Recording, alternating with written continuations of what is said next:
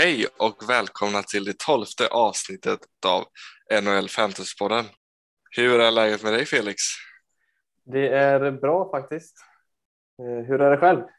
Det har varit lite, det är lite tufft skulle jag faktiskt säga. Jag hade en eh, rätt eh, väldigt jämn vecka som avslutades med en torsk på 10 poäng. Det avgjordes i slutet, verkligen sista matchen, sista perioden avgjordes det då Nekas gjorde ett mål, vilket gjorde att han gick om mig. Så jag satt där vid eh, 05.30 och uppdaterade och fantasy och the score och så klingade det till. Ja, ja det är tufft är det. Vad var det Så som avgjorde veckan egentligen? Hade du några sämre val du gjorde eller var det motståndaren som eh, tog de rätta valen denna veckan? Jag skulle väl säga att det var väl det var ju en jämn kamp. Vi båda var ju över typ 400 poäng. Ja, det började väl lite med där i, i lördags. Jag tog in eh, Lankren när de mötte eh, Toronto. För jag hade ju tyckt att de, eller hoppats liksom att de skulle få mycket skott på sig, vilket eh, han ändå fick, men han släppte ändå fem kassar. Så att eh, vi fick ju minus eh, två och det kändes ju lite sådär. Bara för där började det, hade han eh, fått en normal match med ändå kanske sex, sju, åtta pinnar så hade jag ju varit lite med mer i matchen. Sen även med eh, eh, Niederreiter så jag tog in nu i sista så jag hade redan dubbla målvaktsstarter. Där Saros gjorde superbra, 29 pinnar. Kemper gav mig strax under 20. Det är ju som det är. Ja, det var ju bara han och eh, dig i vår liga som jag hade torskat mot eh, denna veckan. Så det var ju lite otur. Ja, två raka torsk, det är, ska inte ljuga, det känns ju lite tufft men det är ju bara att eh, jobba på. Mm. Ja, det var ju en tight match. Skulle du säga att du är i en liten formsvacka nu eller hur känns det med laget? Ja, men jag skulle faktiskt eh, kunna säga att eh, jag var i en liten formsvacka. McDavid eh, levererar, alltså levererar 20 poäng. Det är ju inte dåligt, eh, men han gick liksom minus fyra. Tre assist gjorde han. Det var ju lite, Hyman spelade inte så mycket, han gav mig bara åtta poäng. Tre matcher. Är det några stora förändringar på gång då i laget eller hur ser det ut eh, för att komma in på det vinnande spåret igen? Vi såg en Eh. stor trade eh, hända precis här. Ja, jag sålde Duchene och fick Ehlers för han. Kände att jag fick ruska om lite. Han har varit lite på nedgång. Säljer högt kan jag säga att jag gjorde med Duchene. Han min, han jag tradade med var sugen på, på Duchene och då tyckte jag att Ehlers var, de är typ samma ranking. Duchene något högre. Så att jag är ändå eh, nöjd med den. Sen hade jag velat ha en, jag hade velat ha en toppforward för att få in det. Men eh, då måste jag, för jag har fem backar.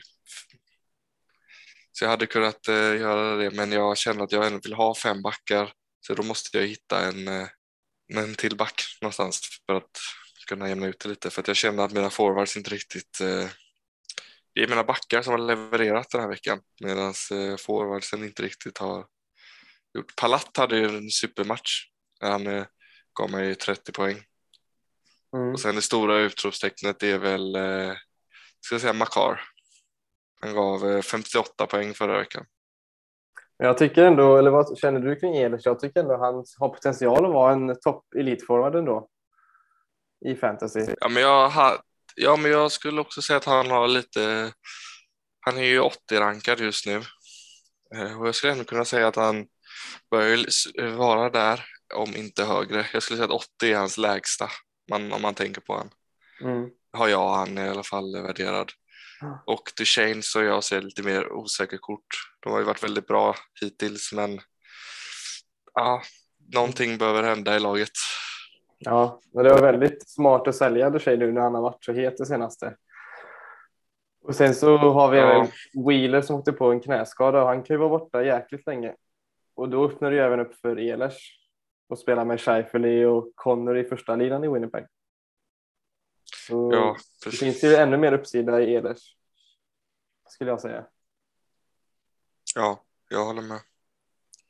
Vi får helt enkelt eh, vänta och se.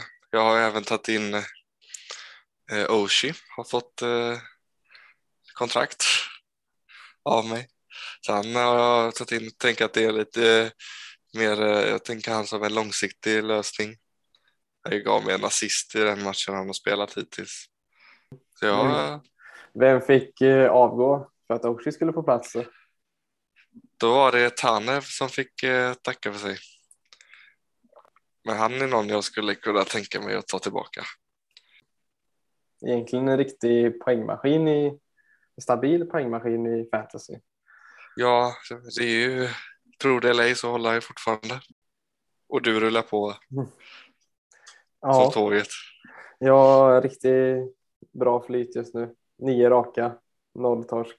Så det är väl inte så mycket att säga. Jag har en del skador nu så det kommer kanske bli lite mer utmanande. Då Wheeler knäskada kan vara borta riktigt länge.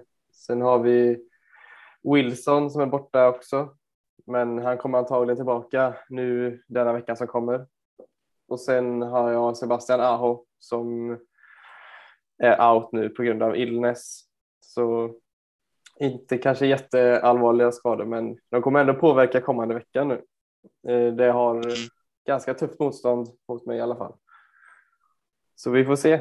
Kanske blir lite mer utmaning framöver här. Då har vi gått, haft lite flyt nu senaste nio veckorna blir det. Det är väl inte allt för stora problem, men eh, ändå något att se över inför denna veckan i alla fall. På tal om eh, Carolina så sitter jag ju med D'Angelo på IR som har suttit eh, med på covid-protokollet. Och han är tillbaka i, han lär komma tillbaka där nu. Han var ju redo för spel men då var de i Kanada och eh, i Kanada krävs det 14 dagars eh, karantän och då hoppade de, han över den roadtrippen Att eftersom han har haft ett eh, positivt eh, coronatest. Mm, precis. Undrar hur det kommer gå för han då? Tror du att han kommer eh, komma tillbaka och visa sig som han har varit nu i början? Eller tror du att han kommer ha en trög start? Jag tror han kommer direkt på. Jag tror han kommer bli, vara eh, påkopplad direkt. De har ju eh, en, fyra matcher den här veckan. Relativt eh, lätt ändå. Men de börjar ju eh, tufft mot eh, Minnesota som har överraskat och ligger i toppen. Det där ingen riktigt såg att de var. Sen har de Detroit, LA och eh, Nashville denna vecka så Mm. de har ju inte det svåraste schemat heller. Så Sen så är väl inte, han är väl inte heller en back som spelar eh, upp mot 25-30 minuter per match heller. Han gör ju sina poäng på lite mindre Nej. speltid och då krävs det inte heller lika mycket av kroppen heller om han har varit lite sliten ett tag. Nej, precis. Han spelar ju mycket powerplay och Mm. offensiva starters. Mm, precis. Kan sitta och vila i boxplay och annat. Någon annan som är tillbaka det är också Mrazek Ja, som har varit borta riktigt länge nu. Han som var tilltänkt eh, första valet egentligen i Toronto i år blev ju tradad dit. Vad, vad tänker vi kring han nu när han är tillbaka? Jag plockade upp han och testade han nu. Han fick ju starta första matchen när han var tillbaka. Eh, han var väl inte jättehet kanske, släppte fyra kassar, men Toronto tog ju ändå hem vinsten, så han gav ju ändå bra fantasypoäng. Men hur ser vi på den situationen med Campbell och Mrazek nu? När ändå Mrazek var tänkt inför året. jag tror att det, alltså Campbell har ju spelat lite för bra för att han inte ska vara första målvakt. Han är ju liksom topp 10 rankad just nu, högsta målvakten. Så att han är jag tror att han har spelat lite för bra för att eh, Mrazek ska bara kunna gå förbi. Och så kan man ju tänka ja, att de kanske kör ett A, ett B, att han delar på det 50-50. Men då kommer jag ändå tillbaka till att han, jag tror han har varit för bra hittills. Jag tror att det blir mer än 70-30. Jag tycker ju inte att, personligen skulle jag kanske inte ha, jag ser ju nog mer, mer Mrazek som en pickup-spelare. För att inte, han kanske bara spelar en match i veckan. Om de har, så, och då är det inte värt att sitta på honom och ta en plats. Ja, jag håller med dig faktiskt. Jag tror det blir max en 60-40 kanske. Samtidigt så är ju Toronto väldigt, väldigt bra lag, så han kommer ju antagligen vinna de flesta matcherna han står. Men Campbell har nog varit för bra för att eh, Mrazek ska få kunna spela till sig första spaden. Ja. Men han kommer ju vara en riktigt het eh, streamingspelare eh, när han är ledig och får den gröna bocken och startar. Ja, men det är inte omöjligt att, de, att, att han, om han spelar bra när han väl får chansen, att de blir mer 50-50. För att han var ändå tilltänkt en första spade inför säsongen. Det, Carolina och Toronto bytte ju lite målvakt där när Anders gick till eh, Carolina och eh, de tog hem Mrazek. Och där har ju Carolina vunnit den, det bytet ganska såklart. Men båda målvakterna var ju lite, de har ju varit väldigt skadade båda två. Sen så har ju Andersen varit frisk och levererat och Mrazek, det har egentligen gått åt andra hållet för han. Han har varit borta hela säsongen ungefär. Så vi får väl se vad som händer. Eh, Mrazek skulle ju också kunna skada sig igen. Han är ju väldigt skadebenägen. Och drar han på sig en till skada så är det nog helt kört. För att han ska få en 50-50 eller en första spade i alla fall. Men en väldigt intressant eh, streamingmålvakt med andra ord. Eller Ja, en av de bästa streamingmålvakterna faktiskt ute eh, på marknaden just nu. En lite tråkigare nyhet eh, från Toronto är ju att Marner blir borta året ut. Han är ju ute med en axelskada så han blir borta minst året ut. Så det är lite tråkigt för Toronto. och tråkigt för de som draftade han då tidigt i andra rundan antagligen. Då är det egentligen bara att sätta han på IR och hålla tummarna att han kommer tillbaka så snart som möjligt. Ja, det är väldigt segt när man får en av sina toppgubbar skadade. Det kan ju, har man draftat någon topp två runder och sen är de borta i tre, fyra veckor. Det kan ju vara rätt avgörande. Vi ser ju ett ännu jobbigare fall i den som, eller de som draftade Kucherov. Då Ja, han gick, ja. han gick ju som fyra i de flesta ligorna. Ja, men precis. Det är ju, han är ju varit- är ju borta ännu längre och kanske gick ju ännu tidigare. Så det är ju lite segt. Någon annan lite mer positiv eh, nyhet eh, vid skadefronten är ju att eh, Bäckström är i full träning. Och eh, det är väldigt roligt nu för oss svenskar och eller ja, för de som sitter på honom i fantasyn är det ännu roligare eh, när Atovetjkin är så het. Och nu får vi se hur mycket assist som Bäckström kan eh, få pilla in dit och om Ovechkin fortsätter. Det är även eh, skönt för mig som hejar på Washington Capitals att han är tillbaka. Det har ju varit lite, kämpigt på centersidan egentligen. Eh, Men något som är intressant är ju vad som händer med Kuznetsov nu egentligen. Han ju- ligger väl runt 35 i rank i fantasy och har ju varit riktigt bra och viktig för Washington ihop med, med Ovechkin och så Wilson lite till och från. Var kommer Bäckström in i line-upen egentligen? Kommer de sätta han med kanske en Oshie i början? Eh, eller kommer de sätta ihop han eh, med Ovechkin som har funkat i, i tio år tidigare? Ja, det är det. Vi hade ju med Kuznetsov på våran eh, inte röra-lista. Lite nitlotter som man kunde gå på. Och där hade vi med han ju, och, men han har ju verkligen motbevisat oss där. Och, men vi vet ju inte om det beror på att Bäckström var borta och han fått spela första center och tycker att det är han får mer chansen och att det är mycket roligare då, för att han sa att han var lite trött på hockey och såg det som ett eh, jobb mer. Ja. Men eh, han har ju visat eh, raka motsatsen hittills. Mm. Det blir lite spännande att följa och se om han eh, kan fortsätta på en relativt bra nivå eller om han bara försvinner. Mm. Jag tror han kommer fortsätta producera eftersom att jag tror att han kommer fortsätta få spela med Ovechkin. För de har ändå skiftat en del tidigare säsonger och haft Bäckström tillsammans med Oshie. Men eh, i powerplay så tror jag att Bäckström kommer ganska snabbt eh, komma tillbaka till sin vanliga högerflanksposition där, där han står och serverar både Karlsson och Ovechkin. För där har de ju Kuznetsov mm, i Gretzky-position i powerplay. Men eh, fem 5 mot 5 så tror jag Kuznetsov kommer fortsätta i alla fall någon månad framöver. Eh, men presterar han inte då, då är det nog lätt att de sätter upp Bäckström kanske. Ja, det blir ju så att man om man ska sälja någon högt nu så är det ju att man ska sälja Kuznetsov för att han lär ju inte vara så högt som han är nu. Nej, precis. Man får nog passa på, passa på att trada han. Det är nog väldigt smart att försöka titta på en trade nu innan han börjar bli bortprioriterad i Washington.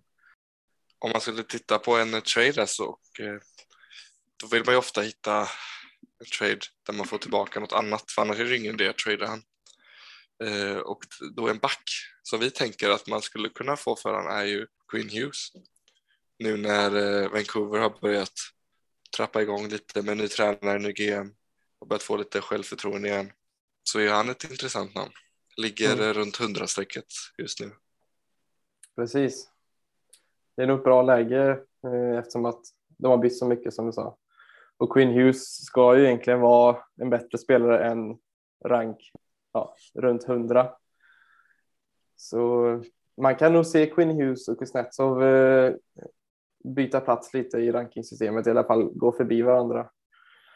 Och ja. lyckas man göra den traden så har man nog något fint på gång skulle jag tro.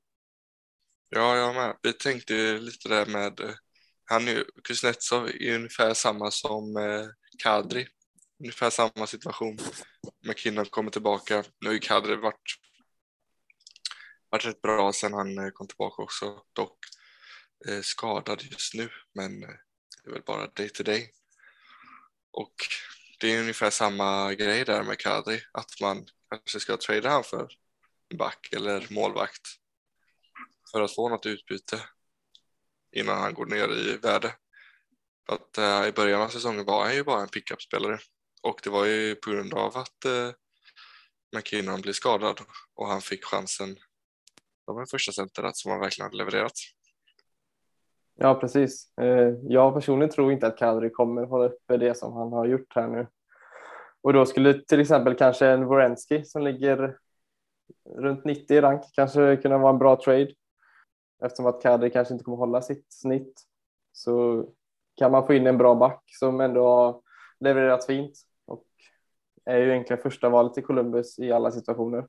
En liknande ja. är ju kanske Thomas Chabot Eh, som också är första valet i Ottawa. Man får ju se lite hur de reder ut målvaktssituationen kanske i Ottawa innan, innan man tradar med en Ottawa-spelare eftersom det är rätt ostabilt och inte har någon riktig målvakt som är stabil. Nu har ju Forsberg varit bra i senaste, men han har ju inte visat så, så många matcher egentligen. Nej, de vill ju lite bli av med eh, Matt Murray, om man nu kan bli av med honom på något sätt.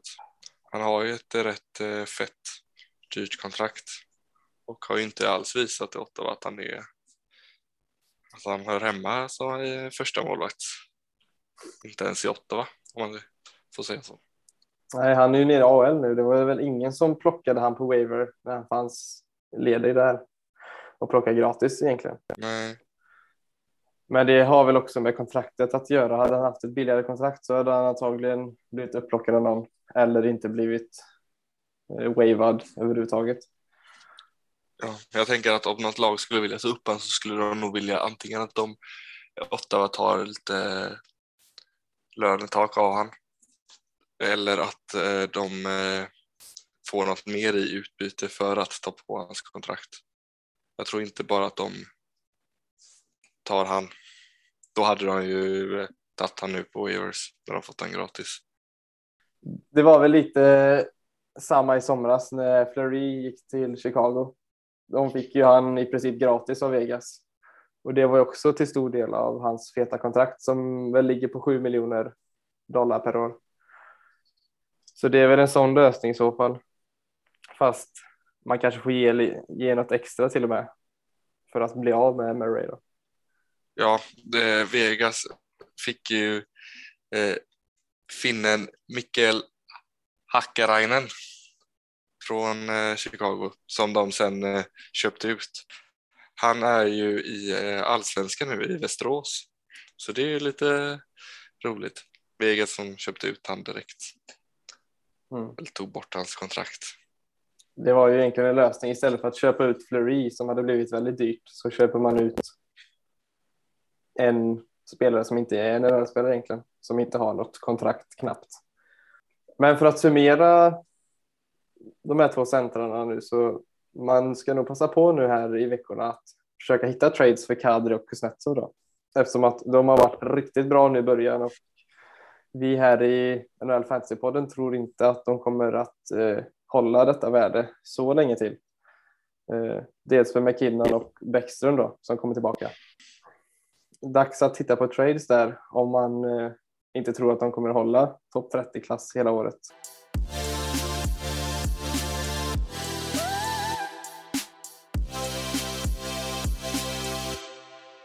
Sen har vi Evander Kane som har blivit nedskickad till AHL. Han har väl också liknande Fleury, eh, 7 miljoner någonstans. Han har väl också sagt att eh, han ska ge allt nu och försöka vända på den här situationen som han har satt sig i. Men frågan är ju om eh, han kommer få spela någonting i San Jose eh, framöver. Många tror ju att eh, det är ganska kört för honom där. I så fall är det ju om något annat lag skulle kunna ta upp honom eller egentligen ta emot honom gratis. Eh, vad tror vi där? För jag tänker ja. lite, Carolina har ändå tagit upp D'Angelo som har varit, haft lite problem vid sidan av isen. Skulle de kunna vara någon, ett lag som tar upp en Evander Kane? Ja, det är inte omöjligt. Problemet är ju hans kontrakt. Det är ju tre år till efter den här säsongen och det är sju miljoner. Så eh, om man kan göra någonting åt hans kontrakt så eh, inte omöjligt. Ja, du säger D'Angelo, det är ju ett jättebra exempel. Att de verkar hittills fått, fått det rätt ställt med honom. Sen får vi mm. se om, hur, om det håller för att det har ju också sett bra ut i Rangers innan. Och sen fick han ett fett kontrakt och sen var det, kunde han inte bete sig. Så vi får väl lite se. Jag tror dock Evander Kane är lite svårare att... Eh... Ja, det är ju lite mer problem kring Kane än vad det var kanske kring D'Angelo. Ja, exakt. Det är ju säga att det är nog lite svårare att skicka han och att ta upp han. Jag tror att det är... Men han, han har ju samtidigt varit eh, San Joses bästa forward, producerat mest de senaste åren. Så han är ju egentligen nästan en, han är en topp 6-spelare i alla NHL-lag när han presterar och sköter sig. Ja, det är han ju verkligen. Det är bara tråkigt att han inte kan följa lagar. Mm.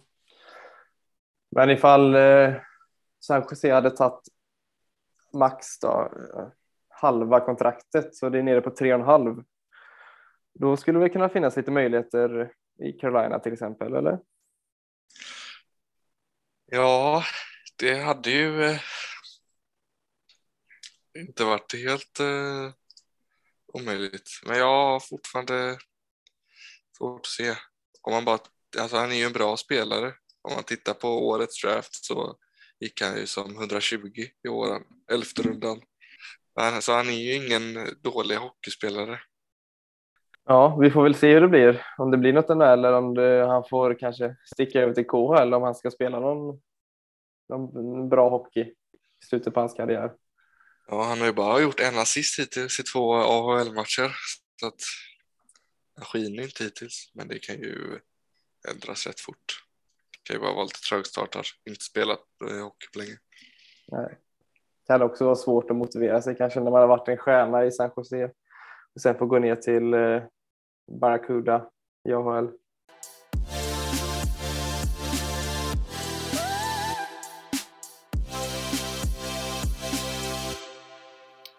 Nu i redigerande stund så har vi fått eh, nyheterna att eh, vi har en del ökade coronafall i NHL. Ehm, och det är framförallt eh, Carolina och eh, Calgarys eh, matcher som har blivit framflyttade.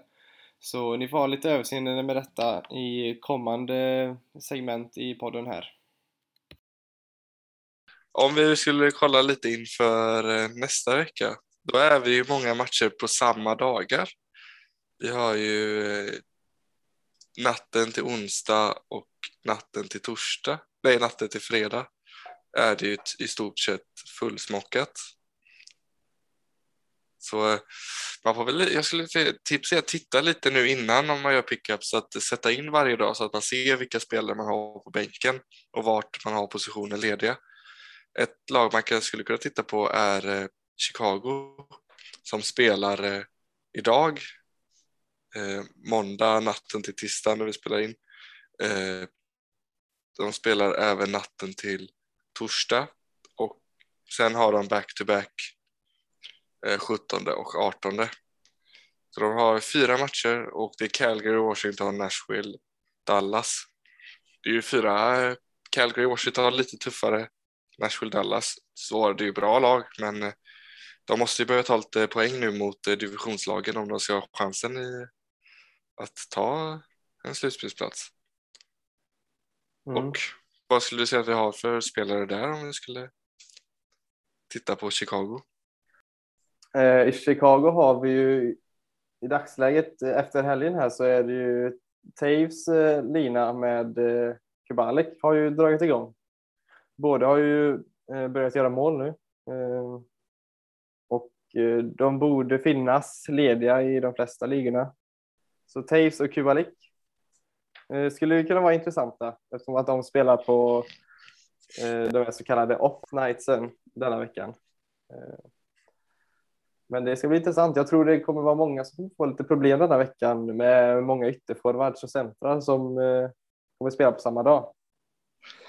Så sköter man inte sitt lag och sina streamingplattor rätt denna veckan så tror jag att vi kommer se en del poäng på bänken denna veckan faktiskt. Det är ju någonting av det värsta som finns. Att mm. se någon gubbe där verkligen leverera på bänken en 15-20 poängs match Ja. Och, sen, och sen har man startat någon som ger en 4,9.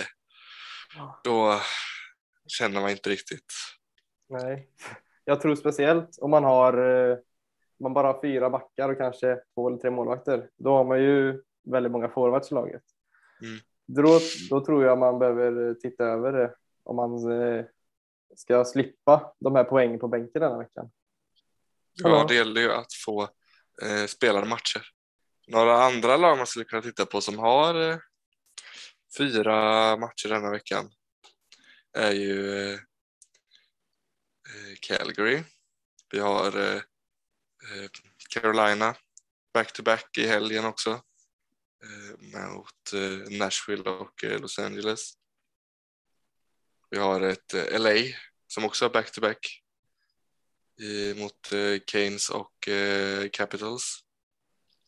Dock spelar de på de eh, dagarna med mest matcher nu i veckan.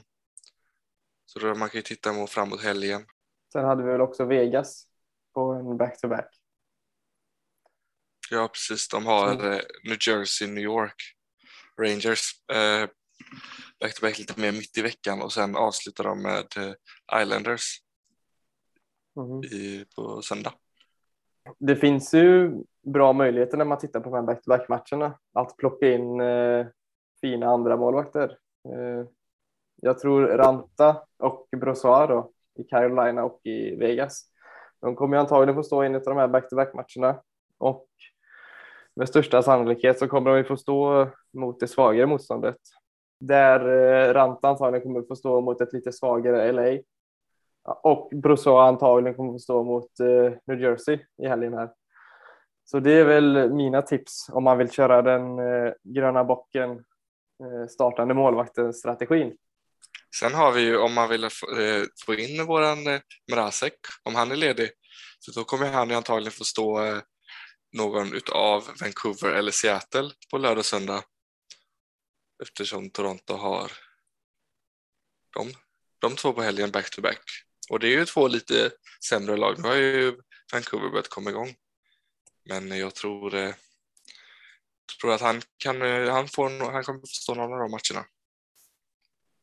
Mm. Och, eh, sen kanske han får stå, stå en av de här Edmonton och Calgary i mitten av veckan. Det är två bra lag. Men de kanske vill dela på det om han är fräsch. Vi får helt enkelt se. Man får hålla koll på den gröna bocken.